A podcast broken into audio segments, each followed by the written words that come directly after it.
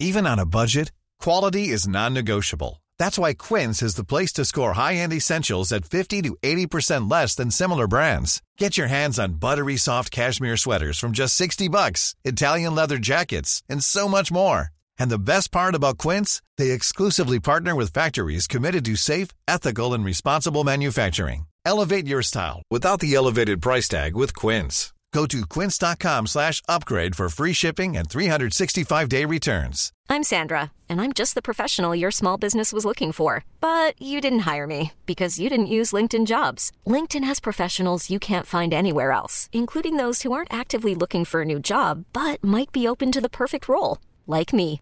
In a given month, over 70% of LinkedIn users don't visit other leading job sites. So if you're not looking on LinkedIn, you'll miss out on great candidates like Sandra. Start hiring professionals like a professional. Post your free job on linkedin.com slash achieve today. Hey, it's Paige DeSorbo from Giggly Squad. High quality fashion without the price tag. Say hello to Quince. I'm snagging high-end essentials like cozy cashmere sweaters, sleek leather jackets, fine jewelry, and so much more. With Quince being 50 to 80% less than similar brands.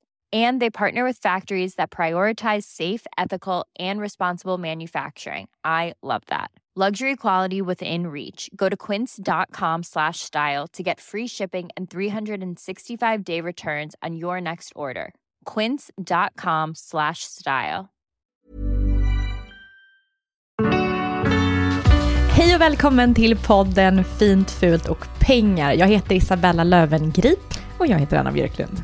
Det sexiga presidentparet är äntligen i Stockholm. Jag har läst boken Den stora kreditfesten. Och jag berättar hur det gått eh, för lilla mig i lilla Handelshögskolan. Och eh, det var en yrkeskriminell, eller en eventuellt yrkeskriminell som hörde av sig till mig och vill starta ett sminkmärke. Eventuellt kriminell. Mm.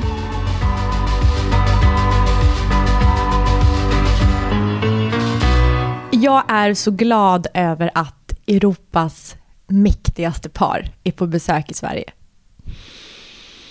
Jag försöker tänka, är det någon in Love is blind? det här paret andas power och sex. Ja, nu vet jag. Just ja, Macron och hans eh, skolfröken. Mm. Ja, Mm. just det. Jag tycker hon ska dra ner lite på sminket. Och lite tan.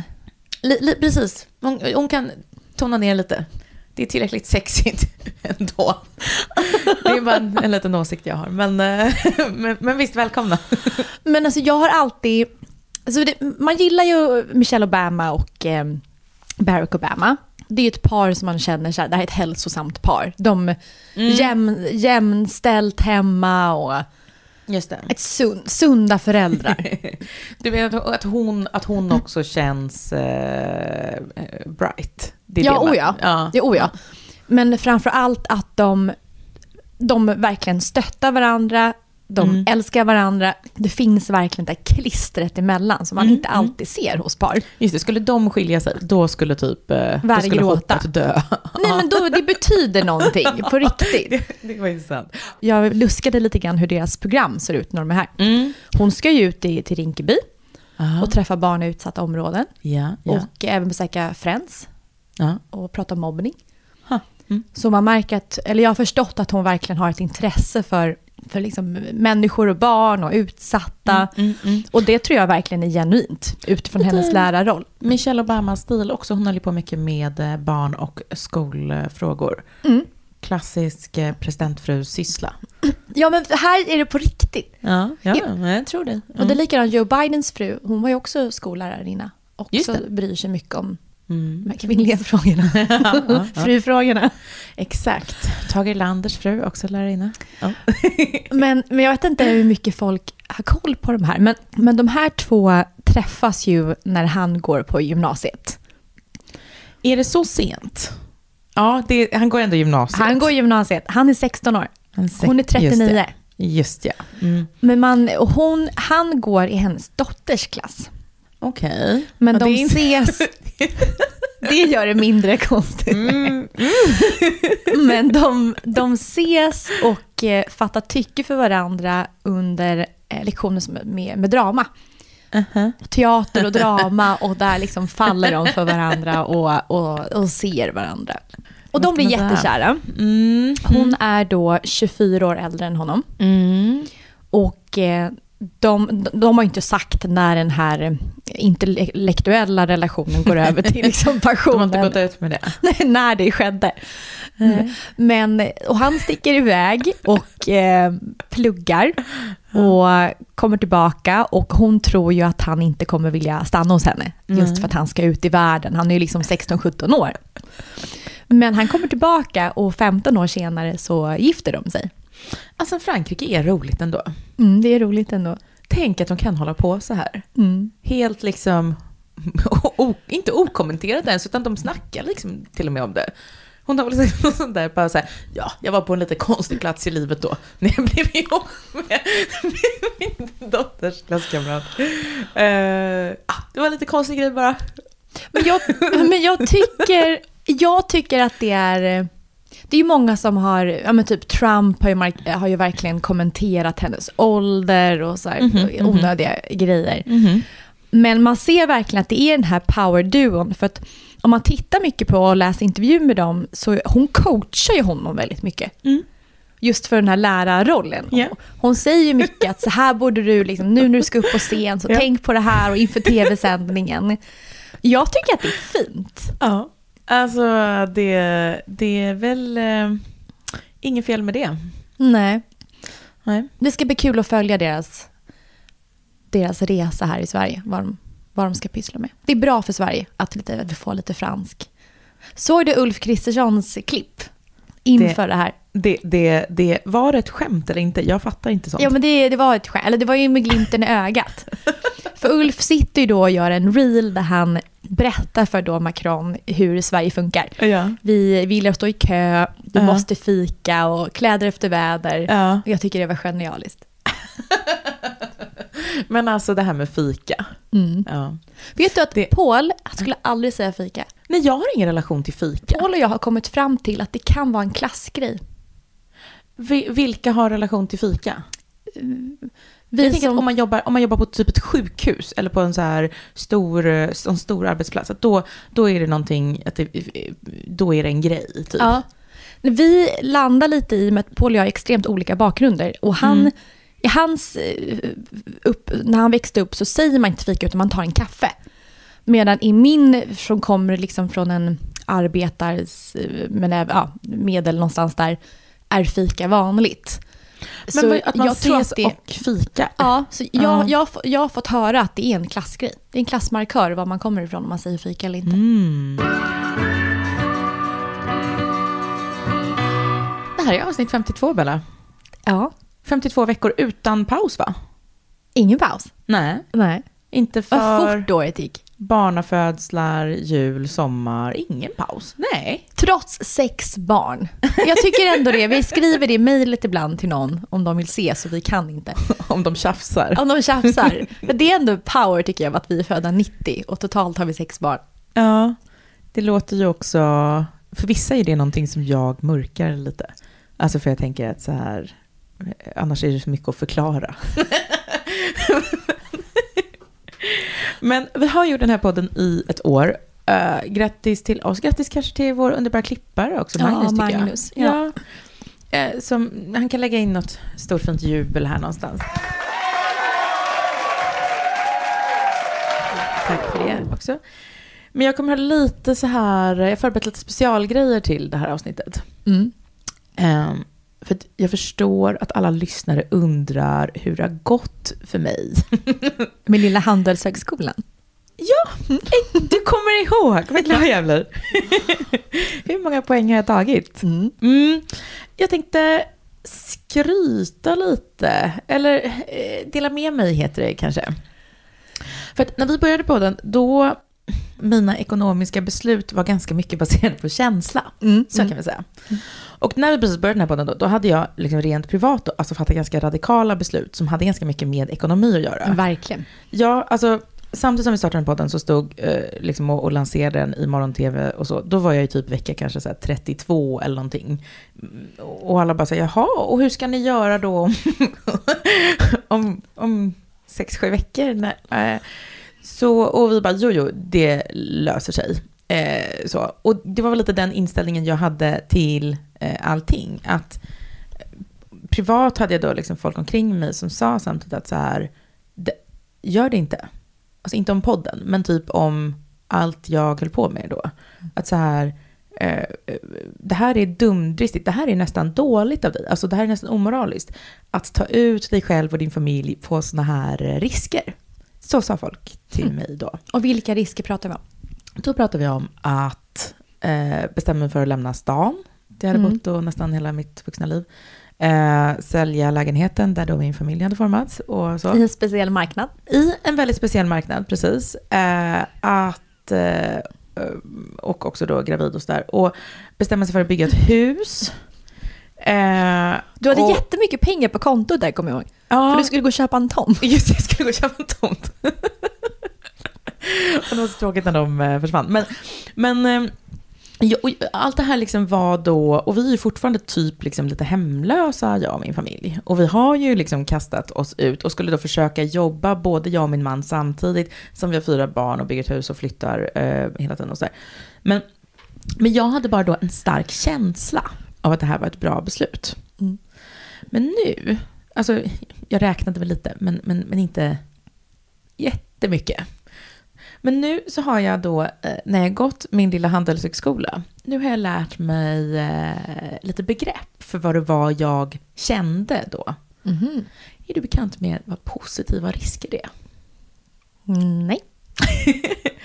det, men visst hör man lite, så är det ofta med ekonomiska begrepp tycker jag. Vissa är ju så, man måste lära sig det här Maastricht-kurva, vad de nu heter. Vissa måste man lära sig. Mm. Men, eh, eh, men, men vissa är ju ganska intuitiva egentligen. Att en Byggt positiv på risk, känsla. ja, en positiv risk är ju egentligen då eh, en möjlighet Ah. på kinesiska. Ja. Eller liksom en, eh, alltså, En risk som, gör det, som är... Där, där riskpremien kanske är hög, men att det är värt det om avkastningen blir som man har tänkt sig. Till exempel att huset blev av.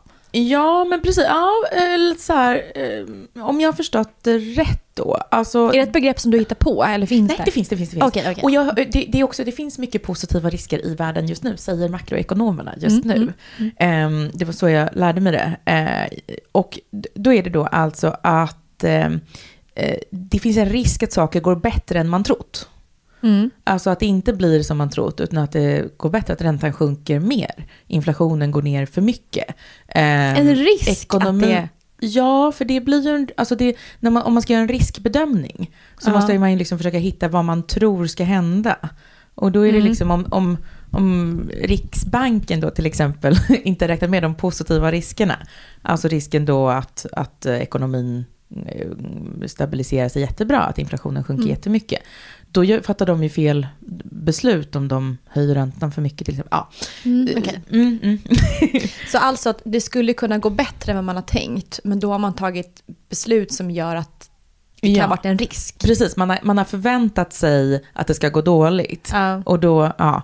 Mm. För det, och det här hänger ihop med ett annat begrepp som jag har tvingats tänka mycket på det här året. Och det är ju det med alternativkostnader. Mm. För att när man liksom ska tänka på ekonomi, och det här, jag kanske visste att det var så, men jag hade inte riktigt tänkt för det förut.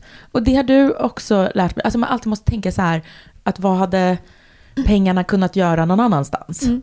Att säga, okej, ja den här aktien gick upp 2%, men, men om jag hade lagt de här istället, alltså då är det egentligen, man måste jämföra det med eh, hur bra det hade kunnat gå. Mm. Och det här märkte jag då, det här, det här tänker inte folk på, Nej. eller hur? Nej. Och det ma- makroekonomerna också säger, om jag får bara liksom kroka i det lite så här i vad som händer i världen. De säger att, så bara, ja, det, det, det här, de säger att det är lite som, lite som under pandemin, att folk lärde sig jättemycket om eh, hälsa då. Mm. Folk lärde sig hur man ska hantera infektioner och sådär. Eh, och under, eh, eh, och att man ska tvätta händerna och hur man ska göra med vaccinationer, vad det nu är. Och, och också göra så här lite riskbedömningar och sådär. Och, och de sa så här, de bara, ja, och att, att folk blev så här då lite hob, hobbyepidemiologer, det, det är ju jättebra. För nu kan hela befolkningen det. Mm. Nu kan de skydda sig och göra, fatta kloka beslut. Mm. Och de sa att nu har samma sak hänt. Det är som att hela befolkningen har gått Lilla Handelshögskolan. Liksom. Och lärt sig vad inflation är. alla har lärt sig vad inflation är. Precis. För det är, är- under det här året Mm. så har det eh, varit hundra artiklar varje dag i tidningen om makroekonomi. Men vet du vad folk inte har lärt sig? Som får, som får vara fas 3. Uh-huh. Det var ränta och på ränta-effekten innebär. Har, nej, kanske de inte har. Nej, det har, vi inte, det har folk inte förstått. Men det kan vi ta senare, för Ja, den är ja. jätteviktig. Mm. Tillbaka till fas 2. Med inflation. ja, precis. Ja, men för eh, just det här med alternativkostnader. Alltså de som sa, sa till mig då att jag kastade ut mig själv och min familj i och tog jättestora risker. Det gjorde jag ju på ett sätt. Men de tänkte ju inte på de positiva riskerna. Nej. De tänkte ju inte på, och de, och de hade ju aldrig rusat fram på samma sätt till någon som bara bodde kvar på en ostadig marknad. De tänker inte på att den som inte gör någonting, som inte tar en aktiv risk, Och kanske- utsätter sig för en risk. Ja, Ja. exakt. Och dessutom då kanske missar en möjlighet. Miss, Alltså inte tänker på just hur bra det kan bli om man gör... För att, vet du vad som hände Bella? Det blev jättebra. Det blev ganska bra. Ja. Men och det är precis det här som handlar om varför män har bättre, eller män investerar mer på börsen och får Ja. högre avkastning. just det. För att de alltid ser det här alternativa. Att jag sitter med pengarna här, men om jag vågar. Ja. göra det här så kan det här få det här utfallet. Och det Just var det. precis det du gjorde. Du Exakt. gjorde ett manligt beslut. Ja, jag fattade ett manligt beslut. Ja. Konstigt, jag var, det var också flera män som jag fick kritik. Och jag tänkte säga, jag bara, undrar om det här är... Eh, alltså män som själva kanske tar risker, men som tyckte att det var konstigt när jag gjorde det på något Mm. vis. Det, det var någon så här liten, liten, liten, pytteliten norm jag bröt. Ja, oh, oh, ja men verkligen. Jag tyckte den var Ja. en bra sak. Ja, för det har ju blivit nu så då att under det här året när det har varit eh, höga räntor, nu håller ju makroekonomerna på att prata att ska, ska de börja sänka i mars, ska de börja sänka i juni? Ska, det är liksom, det, men frågan är när ska vi börja sänka? Och då kanske så här, vi måste sänka tillräckligt fort för att m- Ja, ja. möta inflation. Eh, så att ehm, under det här året då när det varit höga räntor så har jag haft pengar på banken och inga lån. Nej. Jättebra. Eh, så att jag har ju sparat, eller vad säger Fast, man? fast vi har haft inflationen har också ätit, hur, det beror på hur, hur Ja, du det har sant. Ja, just det. Allt handlar om hur, hur du har hanterat pengarna på banken. Mm, just det. Mm. Ja, de, de, det mesta har bara legat på SBABs sparkonto. Men Fast de har ju ändå legat på typ 3,75 eller något. Ja, 4,25 precis. Ja. Ja. Ja, då Så så. Då så. Ja, För, ja, för nu, har inflation, nu är ju inflationen lägre precis. än vad SBABs ränta är. Så Ja. nu gör du en bra affär. Just nu gör jag en jättebra Mm. affär, ja. ja exakt. Ehm, så att, och jag är inte riktigt hemma än. Vi har fortfarande inget hus och så. Eh, men, men eh, det kanske är så att när jag ska börja låna igen, ja, det kommer vara typ när de börjar Räntan, sänka eller? Ja. eh, räntorna. Nej, du kanske. gjorde rätt beslut. Jag kanske gjorde ja, det. Vad imponerande. Alltså, det var då mest känsla, det, och det var ju en risk. Men, men ehm, det är någonting när eh, man tvingar sig att lära såna här begrepp, att det gör ju faktiskt att saker blir lite tydligare.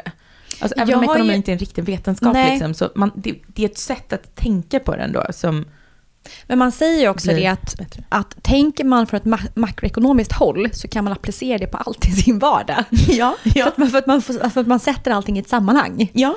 Så det är en ganska bra väg att gå. Men det är intressant, för du har ju under året tagit mer risk än vad du kanske brukar göra. ja. Jag har ju blivit mer riskavärt under det här året än jag brukar vara. Mm, mm, mm.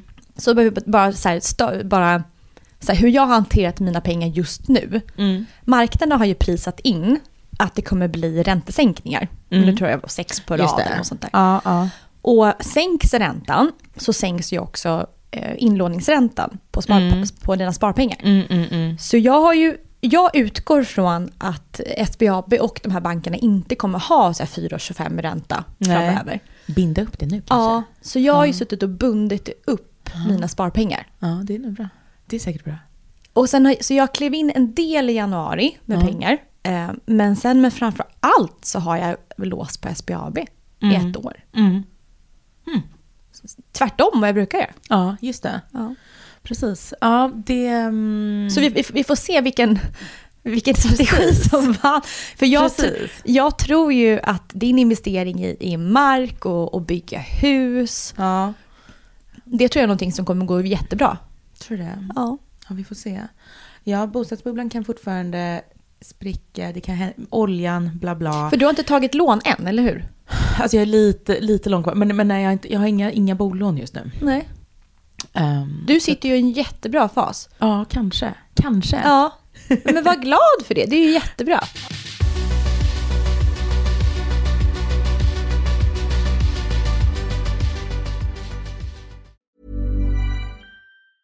Hiring for your small business? If you're not looking for professionals on LinkedIn, you're looking in the wrong place. That's like looking for your car keys in a fish tank. LinkedIn helps you hire professionals you can't find anywhere else, even those who aren't actively searching for a new job but might be open to the perfect role. In a given month, over 70% of LinkedIn users don't even visit other leading job sites. So start looking in the right place. With LinkedIn, you can hire professionals like a professional. Post your free job on linkedin.com slash achieve today. Since 2013, Bombas has donated over 100 million socks, underwear, and t shirts to those facing homelessness. If we counted those on air, this ad would last over 1,157 days. But if we counted the time it takes to make a donation possible, it would take just a few clicks. Because every time you make a purchase, Bombas donates an item to someone who needs it. Go to bombas.com slash ACAST and use code ACAST for 20% off your first purchase. That's bombas.com slash ACAST, code ACAST. Even when we're on a budget, we still deserve nice things. Quince is a place to scoop up stunning high end goods for 50 to 80% less than similar brands. They have buttery soft cashmere sweaters starting at $50, luxurious Italian leather bags, and so much more. Plus, Quince only works with factories that use safe, ethical, and responsible manufacturing. Get the high-end goods you'll love without the high price tag with Quince. Go to quince.com slash style for free shipping and 365-day returns.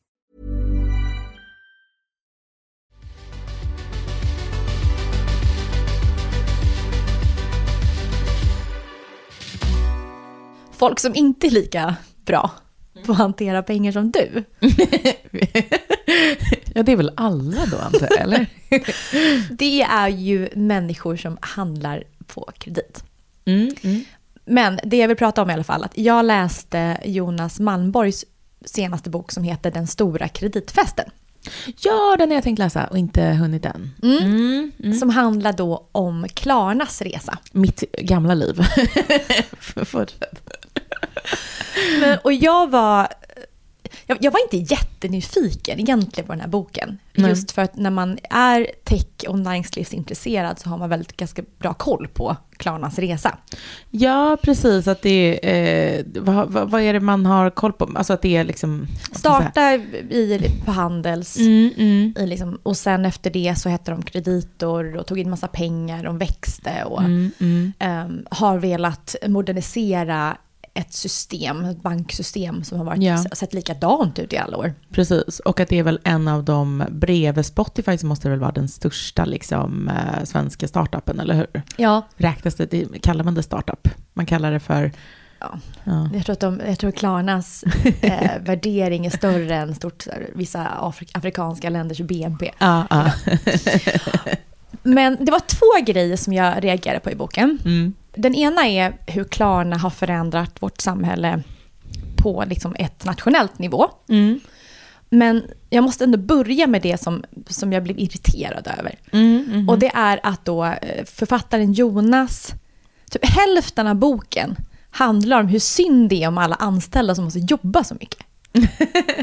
och det stör mig så himla mycket. Aha, för det, det ska vara liksom en, alltså det är liksom en, eh, en, eh, en journalist som har skrivit en bok, då måste det alltid finnas någonting att klä av, Ja. så att säga, eller hur? Mm, Exakt, så han, han, skri- han har gjort intervjuer med många gamla anställda, Mm, eh, till och med grundarna också, har jag för mig. mm. Och det är alltid det här jäkla tjatet om att det är synd om de här 25-åringarna som måste sitta över, som inte får gå hem klockan fem. Mm, mm, mm. Och jag fattar inte det, hur det kan vara en så stor, en så stor sak i Sverige. Ehm, Jag förstår om man kommer från olika delar av världen, man bosätter sig i Sverige för att man har fått jobb på Klarna och att man inte har koll på eh, ja, men regler som, liksom, som fackförbund har när man väl är på arbetsplatsen. Att man har skrivit på ett arbetsavtal som man inte förstår hur vitsen av. Ja, men jag tänker att det är mycket vanligare internationellt sett och att det också är, alltså Klarna är väl mega internationell arbetsplats. Jag har aldrig träffat en svensk som jobbat på Klarna. Jag har Nej. träffat däremot liksom, eh, nästan alla möjliga andra som jobbar på Klarna. Och att det borde inte vara några nyheter då. Alltså Nej. man flyttar till ett land för att jobba där, alltså vad ska man göra med all sin fritid ändå? Nej men för boken, ja, men, men för boken handlar så mycket om att de anställdas snittålder är liksom 25-27. De tillåts inte ha ett privat liv utan att Sebastian, liksom, han, blir, han sparkar någon om man går efter, vid femtiden. De verkar ju vara rätt bra, glada i att sparka folk. Det, det, det måste man säga. Ja, men det har ju utifrån förutsättningar. Men, det, men så här, varför söker man sig till ett jobb som Nej, det är är så en startup som växer? funkar. Ja. Det är så branschen funkar. Ja. Och så om man är en sån person som inte vill ha det här jobba dygnet runt livet, sök dig inte dit. Nej. Det är ingen som tvingar dig att ta ett startup-jobb med hög risk. Nej, just det. Jag blir så extremt arg över det här. Ja, Men jag, jag, jag förstår faktiskt vad du menar. Jag är nog på, lite på din sida faktiskt. Ja, det, hela världen funkar inte likadant. Det finns ja, för och nackdelar. Ja. Nej, så det blev jag irriterad över. Men har Klarna haft, jag måste bara fråga, har de haft lika sinnessjuka löner som till exempel Spotify har?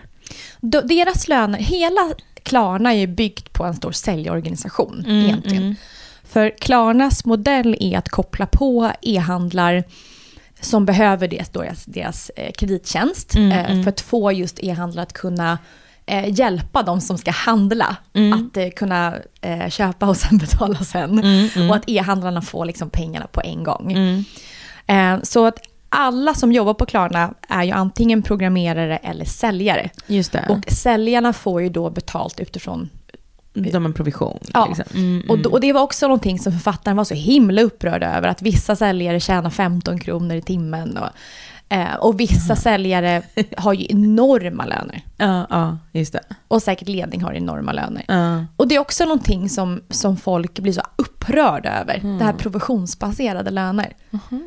Men, men, men det måste väl ändå ha nått även journalister att det är ganska normalt? En väldigt, en väldigt bra strategi i ett företag för att inte sätta sig med för mycket personalkostnader. Ja, men- Som då ja. uppenbarligen Klarna har gjort också, i och med att det var så många som, som behövde gå. Ja. Eh, men det, det Klarna har gjort då, de har kommit in och förändrat hur vi beter oss när vi handlar. Mm. En jättestor skillnad. Mm. För svenskar har ju egentligen varit så duktiga på att man, man tjänar pengar, man sparar pengar och det som blir över går man och handlar för. Just det, ja. Det gamla Sverige. Det gamla Sverige. Och idag så, de, så är det väldigt, väldigt många som handlar och betalar sen. Och det är också det då som är Klarnas stora affärsidé.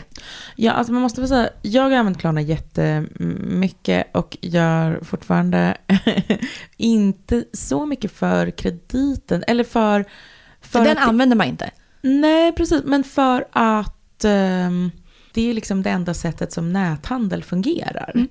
Alltså, för att jag vet att folk blir arga på eh, de som skickar tillbaka eh, för mycket grejer och sådär. Att det är liksom, det är no- och det är någonting lite så här, nästan lite snuskigt med de som sitter och kanske så här, klickar hem liksom, eh, lådvis, och efter, lå- alltså, låda efter låda med kläder för att sen liksom bara eh, skicka tillbaka Nu har ju Boost och Zalando har De har ju satt stopp för det. Precis. Ja. Ja. Och, det och det kan man ju förstå, för att det är någonting fel med det. Men det, och det, men det man måste förstå är ju att, att beställa mer än det man sen behåller. Det är ändå hela, liksom, så måste ju näthandel funka. Det är, liksom, det är inte som att det är som att ta med någonting in i provrummet. Som att man skulle tvingas köpa allt man liksom tittade på i provrummet. Eller typ tog lite i. Alltså så, så kan det ju inte fungera. Liksom. Utan, och, då, och då blir det väldigt konstigt om man ska ligga ute med asmycket pengar bara för att man behöver jag vet inte, prova en vinterkappa i två storlekar och sen skicka tillbaka den ena.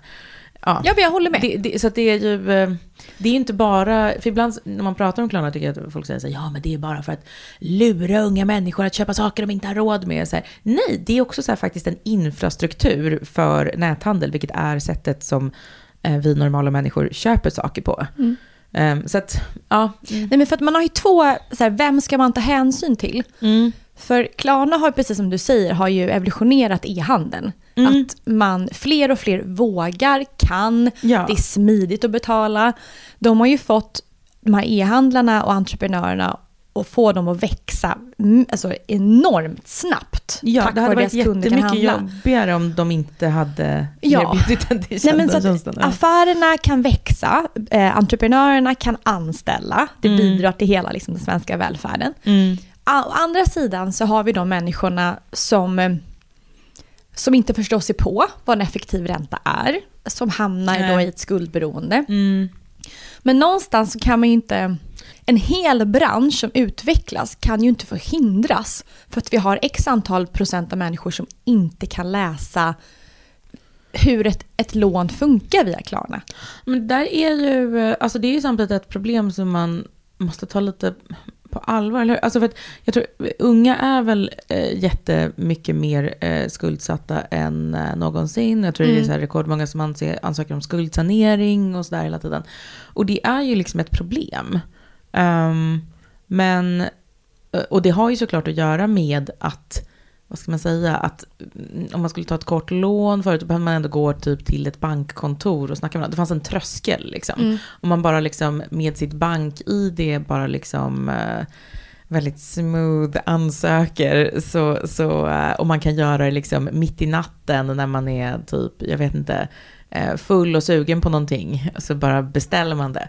Alltså det är såklart att det är det är någonting som måste hanteras där. Ja, men den, sto- ja, men den stora risken på samhällsnivå, om vi Mm. bara bortser från alla duktiga entreprenörer som gynnas av det här, det är att om väldigt många människor i ett samhälle har en, en instabil ekonomi, Mm. som har mycket med lån som man inte kan betala, och ett väldigt litet sparande, Mm. så är ju det en, en risk för ett helt land. Mm. Om allas ekonomi blir, Mm. blir väldigt svag. Och jag tycker, alltså visst kan man se det så här bland typ, eh, ja, men folk som är ganska unga nu, att jag tycker, alltså det kan vara att jag rör mig i Stockholm liksom mycket, men, men jag tycker folk har så jävla dyra grejer. Mm. Som de inte, alltså det, det hade inte eh, de som var unga på 90-talet. Alltså återigen det här sova i gympasal-generationen, att det gör liksom inte de som är unga nu. Att, men jag pratade med min man om det när han var liksom på Hultsfredsfestivalen. Så ja, men alla hade ju såklart med sig typ mackor, eller de hade med sig så här, de drack varma koppen och de hade liksom billiga t-shirts på sig, för ingen hade några stålar. Och nu så ser jag liksom, alltså 19-åringar som liksom investerar i en väskgarderob. Alltså du vet, det, är en helt annan nivå på, på konsumtionen. Och folk har så mycket dyrare, alltså vi, vi var ju fortfarande så här, ja men man köpte någon jävla tub läppglans på, på liksom H&M det var inte så mycket mer med det. Och nu har man så avancerad hudvård liksom i, i eh, tidiga högstadiet typ. Alltså det är ändå, det är ju det norm, gränsen för vad som är normalt har ju flyttats. Alltså, Det måste man väl säga. Mm. Men det jag gillar, det som är häftigt med Klarna, för dels så har de ju förändrat hela banksystemet. Mm. Eh, Men har du, har du testat, det låter som att jag är sponsrad av dem och det är jag inte. Men, men har du testat, jag har börjat shoppa genom Klarnas hemsida. Alltså jag har För sett de- det, ja, att, de, att de vill att man ska det. Ja. För de, om du går in på sidan, de har ju, eh, de köpte ju upp Price Runner. Gjorde de? Åh, den, eh, jag har alltid älskat Price Runner. Mm. Ja. Mm. Så nu skulle jag till exempel köpa en Playstation 5 till Gillis. Mm. Och, så jag gick in på Klarna, gud det låter verkligen som att det är sponsrat. Jag, jag är verkligen inte.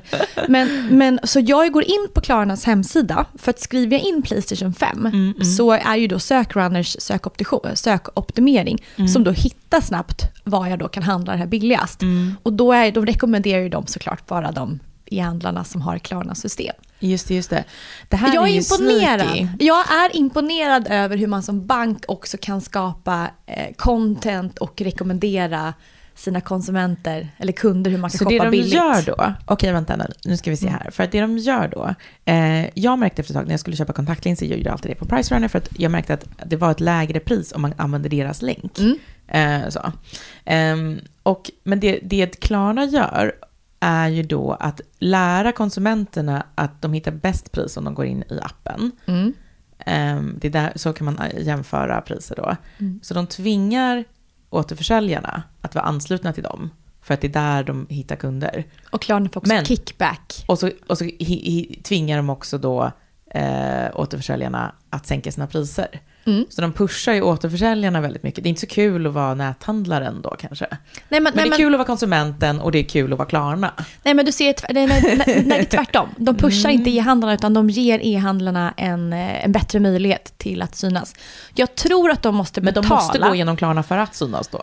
Ja, ja, Och nej. de måste sänka sina priser för att kunna... Nej, men konkurrera. eh, om, du kan ju knacka på Klarna och säga det att jag driver den här e-handeln. Mm, Kan jag få synas hos er via er app och hemsida? Mm, mm. Eh, Så, så det blir marknadsföringsfönster.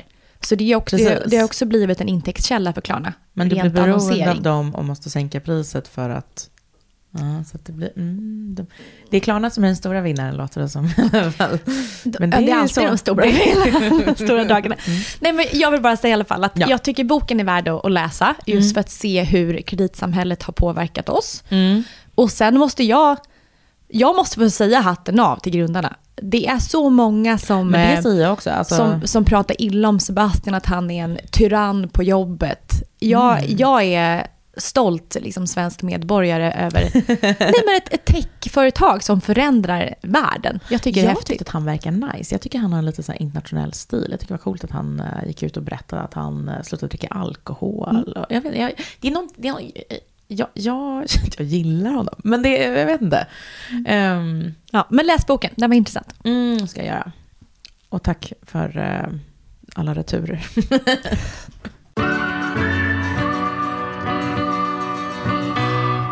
Lärdom nummer två från Lilla Handelshögskolan då? är du redo? Ja, jag är, jag är redo. Visst brukar man säga att man lär sig allra bäst genom erfarenhet? Mm. Att det är då saker verkligen så ristas in i hjärnbarken när man faktiskt har upplevt det. Ja. Mm. Mm, en sån eh, erfarenhet jag tänkte dela med mig av nu. Eh, för jag tänker att det här kan vara någonting som man faktiskt inte... Jag har lärt mig det i Lilla Handelshögskolan, eh, det vill säga det här året. Jag har inte lärt mig det... Jag tror inte man lär sig på en stor handelshögskola. Jag tror inte man har en föreläsning som berättar för en eh, att kontrakt, det är inget som gäller. Nej. Det har jag lärt mig. Ja. Alltså, för att så här, nu då har jag då en sedelärande historia från mitt liv. Att eh, jag då med min familj, efter jag kastat ut oss alla i den här riskfyllda bla bla bla, så har vi hyrt en bostad av en kvinna som jobbade utomlands ett tag. Hon bestämde sig för att komma hem. Så vi blev uppsagda och behövde snabbt hitta något nytt ställe att bo då. Mm. Och um, jag hintade väl lite före jul tror jag att ja, men nu har jag hittat ett, en liten stuga, eller en gullig liten stuga vi ska Ja. hyra. Mm. Och, um, um, och så jag var där och kollade och uh, då märkte jag att okej, det var liksom det, det var minus 15 in i stugan. och, och, eh, och var lite så här skruttigt. Så jag försökte deala lite. Jag, så här, jag bara, men okej, det är lite, det är lite, det är lite skruttigt här. eh, Men, men eh, ska vi göra så här att vi, eh, om ni sänker hyran lite. För jag är lite fixig, så jag, så här, jag är lite fixig. Så att jag sänker hyran lite och så får jag lite tidigt tillträde. Så kan jag fixa lite här. Ehm, och de saker som ni är skyldiga att liksom um, tillhandahålla, Mm. typ att elen funkar. Ja. Då får ni liksom, om jag behöver fixa något sånt, då får ni dra av det på hyran. Mm. Absolut, sa de. Och så, eh, jag bara så, ja men bra, för då skriver vi kontrakt nu. Ja, och så, vi har en sån här förmedling också som tog fram ett kontrakt Mm. och liksom där, ja vi hade kommit överens och bestämt just att det skulle lite tidigt tillträde, bla bla. Ehm, för jag vill liksom ha det klart innan jul, så jag skulle slippa tänka på det. Mm. Vi skrev kontrakt, var färdigt före jul. Skönt, tänkte jag. Ja. Sen ska jag få nyckeln då, slutet på januari. ja. Ja. Och vad händer då? Ja, vad händer då? Ja, men, jag dyker upp då, det är fortfarande minus 15 inne i huset. Mm. Jag har min bebis med mig. Men jag tänker så här, ja men det här är väl snabbt avklarat, jag ska bara få nyckeln. Eh, då slängde jag fram ett till papper. Mm. Eh, där det står så här att jag ska godkänna, jag ska kryssa i allting så här, eh, spis, eh, liksom fläkt, element, kyl, frys, eh, allting sånt som finns i ett hus. Eh, varmvattenberedare, allting sånt. Ska jag liksom kryssa i och skriva under att jag har godkänt? Hur, hur menar du godkänna vitvaror? Att det funkar. Och då här, Ah, jaha, okej. men det kan jag inte göra för elen är inte på. Och det är minus 15 här inne. Så jag vet ju inte om spisen funkar, så det kan jag inte skriva. Och det ser ut som att, om vi ska vara ärliga, ser det väl ut som att den inte funkar, eller hur? Och, och den här polska mannen då som jag försöker prata med, han säger bara så, not my problem, not my problem. Jag bara, hej okej. Ja, och, och, och, men, men, men Han är alltså förmedlaren. Ja, precis. Han, han är liksom där för att lämna nyckeln bara. Det har varit lite skumt också för den här hyresvärden. Hon bor utomlands. Hon ringer från många olika telefonnummer med många olika landskoder. Så att det är så här, missat samtal från Cypern, från Litauen, från Frankrike. Från, det, och det byts varje dag. Så, här. så jag var så här, "Ha, är hon kriminell? Och så tänkte jag hela tiden så här, nej, nej, men det är ingen fara. För vi har ju ett kontrakt. Vi har ju ett kontrakt. Ja, ja. ja. Ehm, det han den här säger bara not my problem, eh, men behöver då ringa upp den här hyresvärden, något av hennes telefonnummer. Han vet tydligen vilket av dem som funkade just den dagen. Ringde upp henne. Hon eh, är väldigt upprörd. Ja. Jag förstår inte varför. Jag förstår ingenting. För jag, förstår inte, jag vet knappt vilket språk hon pratar. Mm. Det är väldigt dålig lina. Hon skriker på mig. Hon är arg. Hon är galen. Men varför, varför då? Vet inte. Nej. Hon har tappat det. För du har, du har aldrig pratat med henne direkt innan? Jo, men lite så här, men, men då har det bara varit, det var innan jul och det var innan vi skrev kontrakt och då var allt fine and dandy. Eh, och så har jag lutat mig mot det här kontraktet. Hon vrålar i den här högtalartelefonen i en timmes tid. Sen säger den här not my problem, han bara I have some place to be boy. Så drar han. Jag står där med min nu ganska kalla gråtande bebis i det här skruttiga huset utan nyckel får åka hem igen. Och så mycket är ett kontrakt värt, Bella. Att när det kommer till kritan, eh, eh, vi, vi har hittat ett nytt hus nu och skrivit ett nytt kontrakt och hoppas att jag får nyckel dit. Men när det kommer till kritan så är ett kontrakt, alltså det är luft. Det är inget. Nej. För att det handlar ju alltid bara om att den som är starkast i relationen bestämmer ändå. Ja, precis, ja, men det är, jätte, det är så komplicerat. För att, Eller hur? alltså, kontrakt handlar ju, hamnar ju under alltså, ett tvistmål. Ja, precis. Det måste ju vara så att jag då har råd och tid med att stämma någon. Ja. Jag måste ha råd att anlita en jurist. Jag måste lägga, liksom, eh, jag får inte vara då i en pressad situation som till exempel är att jag behöver ett hus. Jag behöver någonstans att bo. För då finns det inte utrymme för det. Utan då kan hon göra precis som hon vill. Ja. Hon kan ställa då, lägga fram ett sånt här konstigt papper, tvinga mig att skriva på det. Eller bara, nej, blev ingen nyckel. Nej. Bye. Nej, men, nej, men det är det här. Så funkar det i verkligheten. Det betyder ingenting. Nej, och det är det här som är så jobbigt. För om det är, om det är ett brottsmål, Ja, då är, det, då är det en person som då ska vara den skyldiga. ja, ja. ja. Det är liksom one way på något sätt. Precis. Eh, I ett tvistmål så blir det ju då att båda parter ska komma till tals. Mm. Alltså ingen har, fa- fast det finns ett kontrakt, så är det så att båda har rätt att komma till tals. Det finns ingens fel trots att kontraktet är signat. Exakt, exakt. Och så det enda du kan göra är ju att stämma. En stämning tar minst ett år innan det kommer till Ja, tingsrätten. precis. Ja, och det var så länge jag hade behövt hyra skruttiga stugan. Och trots att du har varit den som har signerat, alltså egentligen är det hon som har gjort fel. Ja. Men skulle det vara så att det kommer till tingsrätten Ja. och du förlorar av någon anledning för att det är tandlös, då är det du som får betala hennes rättegångskostnader. Ja, precis. Om min advokat försåg sig eller någonting, då är det Ja. liksom... Så att, alltså, du kan verkligen komma undan ett kontrakt om det är så att du bara tröttar ut personen, du Ja. bara bestrider, bestrider. För det är för dyrt. Och bara att stämma en person Ja. kostar hur mycket pengar som helst. Ja, alltså exakt. Och det, och det här... ehm, alltså jag har varit med om det förr så här... Eh, när man är frilansare så har man ju ofta kontrakt. Och de är ju också så alltid formulerade. Och då kan man ju tänka sig, ja men jag har ju ett kontrakt. Där står det ju hur det ska bli och Ja, jag hända. Och det gäller ju bara Men du är svensk. tills... eh, Ja, ja Alltså, eller jag vet inte. Svenskar förlitar ju sig på kontrakt Jag har varit ung mer. och dum. Men nu efter lilla handelshögskolan så har jag lärt mig att... Nej men, nej, men för då, de, jag har ju varit med om att så här, jag ställt frågan så bara, jaha, men jag har ju kontrakt typ när jag fick... Eh, jag för mig att det var så när jag fick sparken från Sveriges, för Sveriges Radio. För då var det liksom ett, ett, ett drev mot mig. Och jag bara, men, men är inte jag kontrakterad fram till det här datumet? Och de bara, här, ja nej inte längre. liksom. Nej, då slutar det gälla Ja. liksom. För att de bestämde det. Alltså, att det, det, och det, där var det ju också den situationen då att, att jag är den eh, eh, svagare. Mm. Ehm, och, och det, så att lärdomen är ju, inte att man bara inte ska lita på kontrakt, utan alltid se till att vara att inte behöva kontraktet. För då funkar ju, om man är den starkare parten, den som inte behöver kontraktet, Ja. då fungerar Ja, verkligen. kontraktet. Verkligen. Men är man den svagare parten, den som behöver ett kontrakt, eh, som, då är det kört. Mm. Det är bara inte ett perfekt system. Nej, nej, men jag håller med. Det är, det är ett jätte, det är ett dåligt, det är det. Den som, den som är ihållig och den som har mer pengar Ja. och mer attityd som kan skrämma. Och den som inte som behöver vinner. dealen från början. Uppenbarligen Nej. behövde hon inte hyra ut sin skruttiga stuga.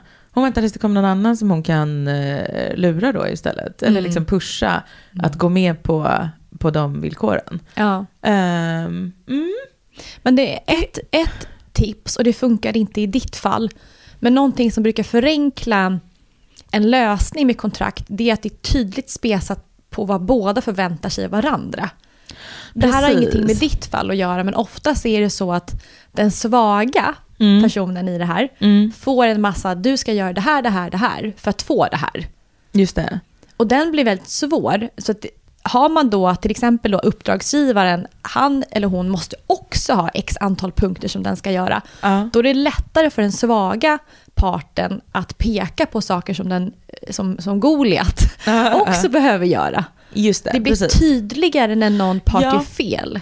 Ett kontrakt kanske funkar, det kanske är så det funkar, att det funkar för att beskriva vad det egentligen är man håller på med. Ja, Det, och det och vad som bra. förväntas. Vad som förväntas precis och, och, och vad, eh, vad som är värt vad och så. Ja. Och alltid att det är tid. För att Mm. ibland när man skriver avtal så står det så här, det här avtalet ska gälla till bla bla bla. Ja. Och man är inte så noga med när Nej, saker och ting ska avslutas. Nej, det är sant. Att vara väldigt tuff med att det här måste ske inom den här avtalstiden. Mm, mm, Man kan också lägga till vite. mm. Så, um, så att, precis som du säger, alla avtal går att brytas. Mm. Men man ska försöka skydda sig själv så mycket som det går. Jag förstår hur maffia har uppstått. Måste bara säga det. Fast det har väl ingenting med avtal att göra? Jo, men det hade ju varit ändå så... Om jag, De gör ju vad de vill ändå. ja, men jag menar så här. Om vi, om vi säger att jag inte hade hittat ett, eh, ett nytt hus att hyra. Mm. Eh, liksom, husen hade varit slut. Jag hade suttit där med, med galna tanten och skruttiga stugan. Ja, men det enda sättet att liksom hävda mig mot henne hade ju varit att liksom rassla en kedja i brevlådan. Nu bodde hon inte i Sverige. Men, men, eh, men, men eh, då, då är det ju hot. Mm. Våldskapital. Det vanliga systemet fungerar inte liksom. Nej. Ehm, Men då, för undrar vad som hade hänt om du, för du har ju kontrakt på att du ska bo där. Och sen så visar du upp det kontraktet från typ en låsmed. Och sen öppnar de, de lyckas öppna dörren. Du Ja, flyttar just in det. dit ändå. Jag kan säga att den här hyresförmedlingen var också så, ja, nej, det finns inte så mycket vi kan göra. Jag bara, inte det här varför ni finns? Fast det är ju de som du, som du ska stämma i så fall. Det är ju inte henne. Aha, De har ju en försäkring för sånt här ska ske. ah, okej. Ja, när de ryckte lite på axlarna, bara, ja, vi har lite andra hus vi kanske kan titta på. Eh, Nej, sånt där gör mig upprörd. ja, de lät bara lite så här, pff, det var som att det var första gången det hade hänt. Så här. De bara, ja men vi är inte så vana med det, det var lite märkligt. Jag bara, ja men vad är ert jobb? Var inte det här ert enda jobb? Jag har en jätterolig, jag har en jätterolig historia som är sann. Det var en man som hyrde ut sin lägenhet Ja. till en annan man. Ja. De skrev avtal. Allting att den här mannen då ska hyra i andra hand i x antal månader. Mm. Sen så kommer datumet då eh, andrahandsgästen ska flytta ut. Mm. Han gör inte det. Nej, Han just det, vägrar. för så kan det ju också funka. Han vägrar att flytta därifrån. Besittningsrätt, eller vad heter det? Ja, han har inte besittningsrätt, men han agerar som att han hade det. Han flyttar inte ut efter avtalet är, eh, liksom, har gått ut. Och, och då får han, han som hyr ut då, han får tipset att ta in Ja. eh, tre väldigt obehagliga maffiatyper. Ja. Med massa som tatueringar och så här, som ser väldigt läskiga ut. Så här, Mm. tårar vid kinden tatuerade och Mm, alltihopa. mm, mm. Som får flytta in och få bo där. Med den här hyresgästen. För han har ju ingen rätt längre att bo ensam. Han ska ju flytta ut därifrån. Och att vräka någon kan ju ta åratal. Ja, så han säger det. Okej, bo kvar då. Och sen får de här tre jätteobehagliga, typ Det är det jag säger. Våldskapital. Ja. är- Nej men typ Hells, alltså Hells Angels-männen. Flyttar in där, sitter och käkar frukost med honom och liksom går och lägger sig i sängen och brer ut sina saker. Ja. Så till slut så vill ju han, andrahandsgästen, inte bo kvar. Nej, just det. Precis. Det är, ehm, det är sådana kontakter vi får skaffa oss. Det var den lektionen Jag har såna i kontakter. eh, Lilla Handelsskolan. Bra, ring Bella nästa gång.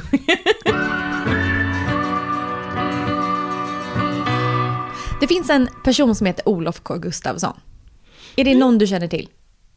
Alltså du smsade mig och frågade om jag visste vem det var. Då googlade jag snabbt och eh, alltså jag vet inte. Det, det, jag kan ha hört. Ber, ber, berätta för mig. Men jag har haft koll på honom ganska länge. Ehm, men han blev väl lite mer så känd för den breda massan efter en stor eh, dokumentär om honom i SVT. Och så kom det ut en ganska stor artikel nu i SvD om att han är gripen. Men han i alla fall, han är en kille, eh, gått på Är det här en av dina kontakter?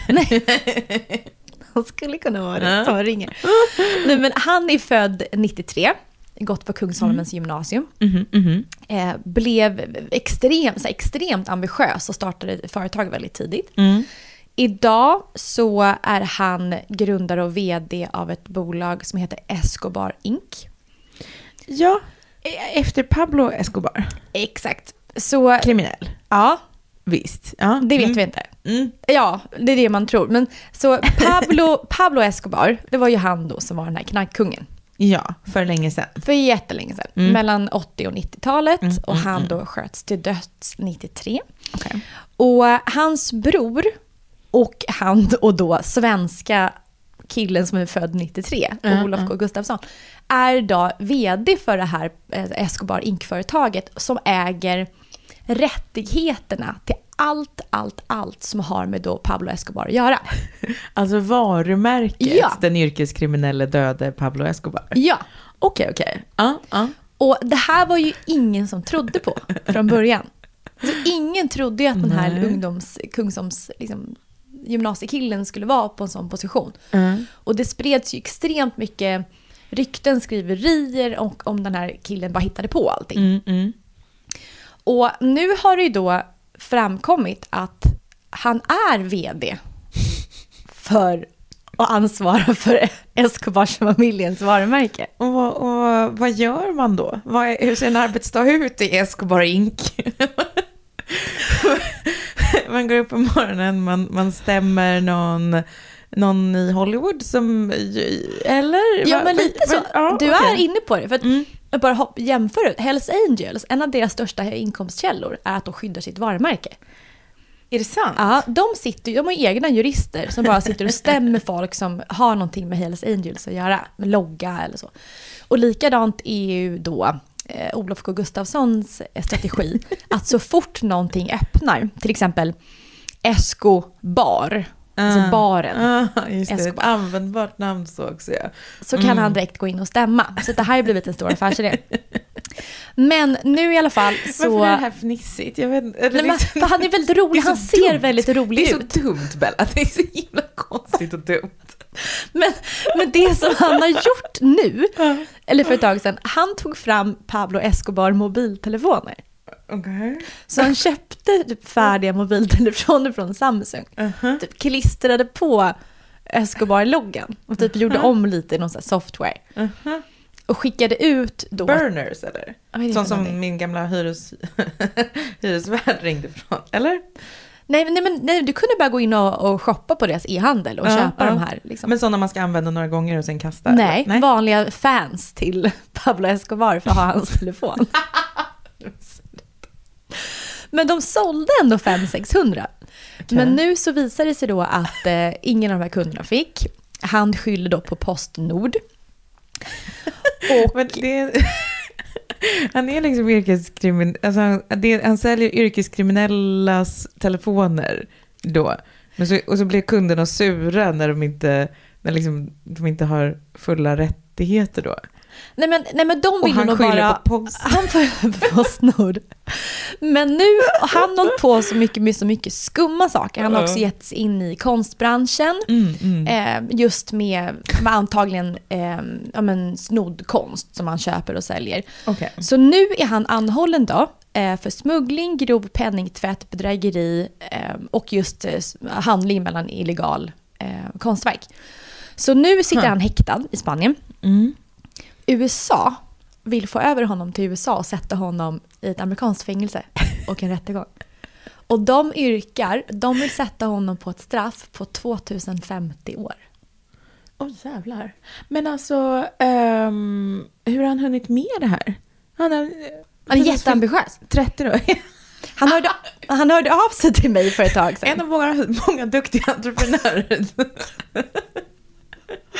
Men, Vad sa du, han hörde av sig till dig? Ja, för, för några månader sedan så, så började han skriva till mig på WhatsApp. Uh -huh.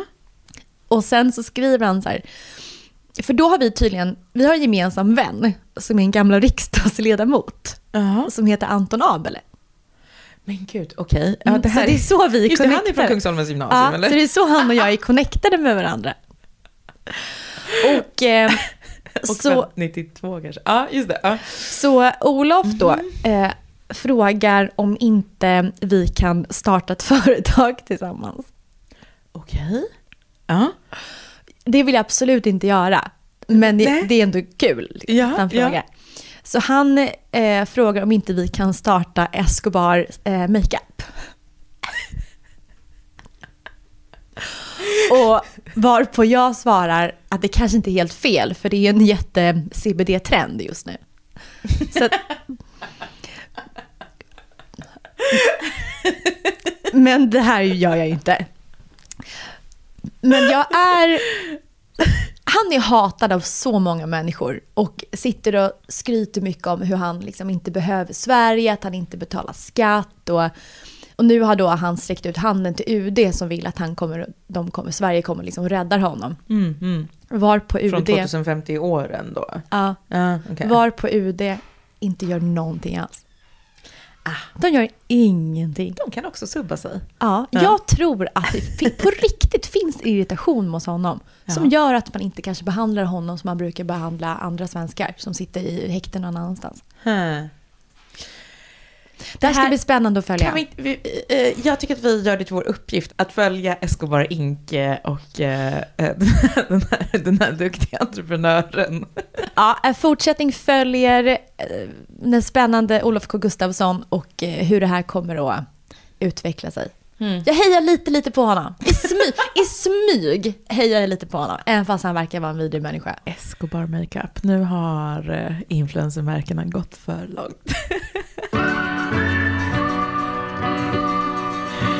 Det här var fint fyllt av pengar. Det var det. Hej då.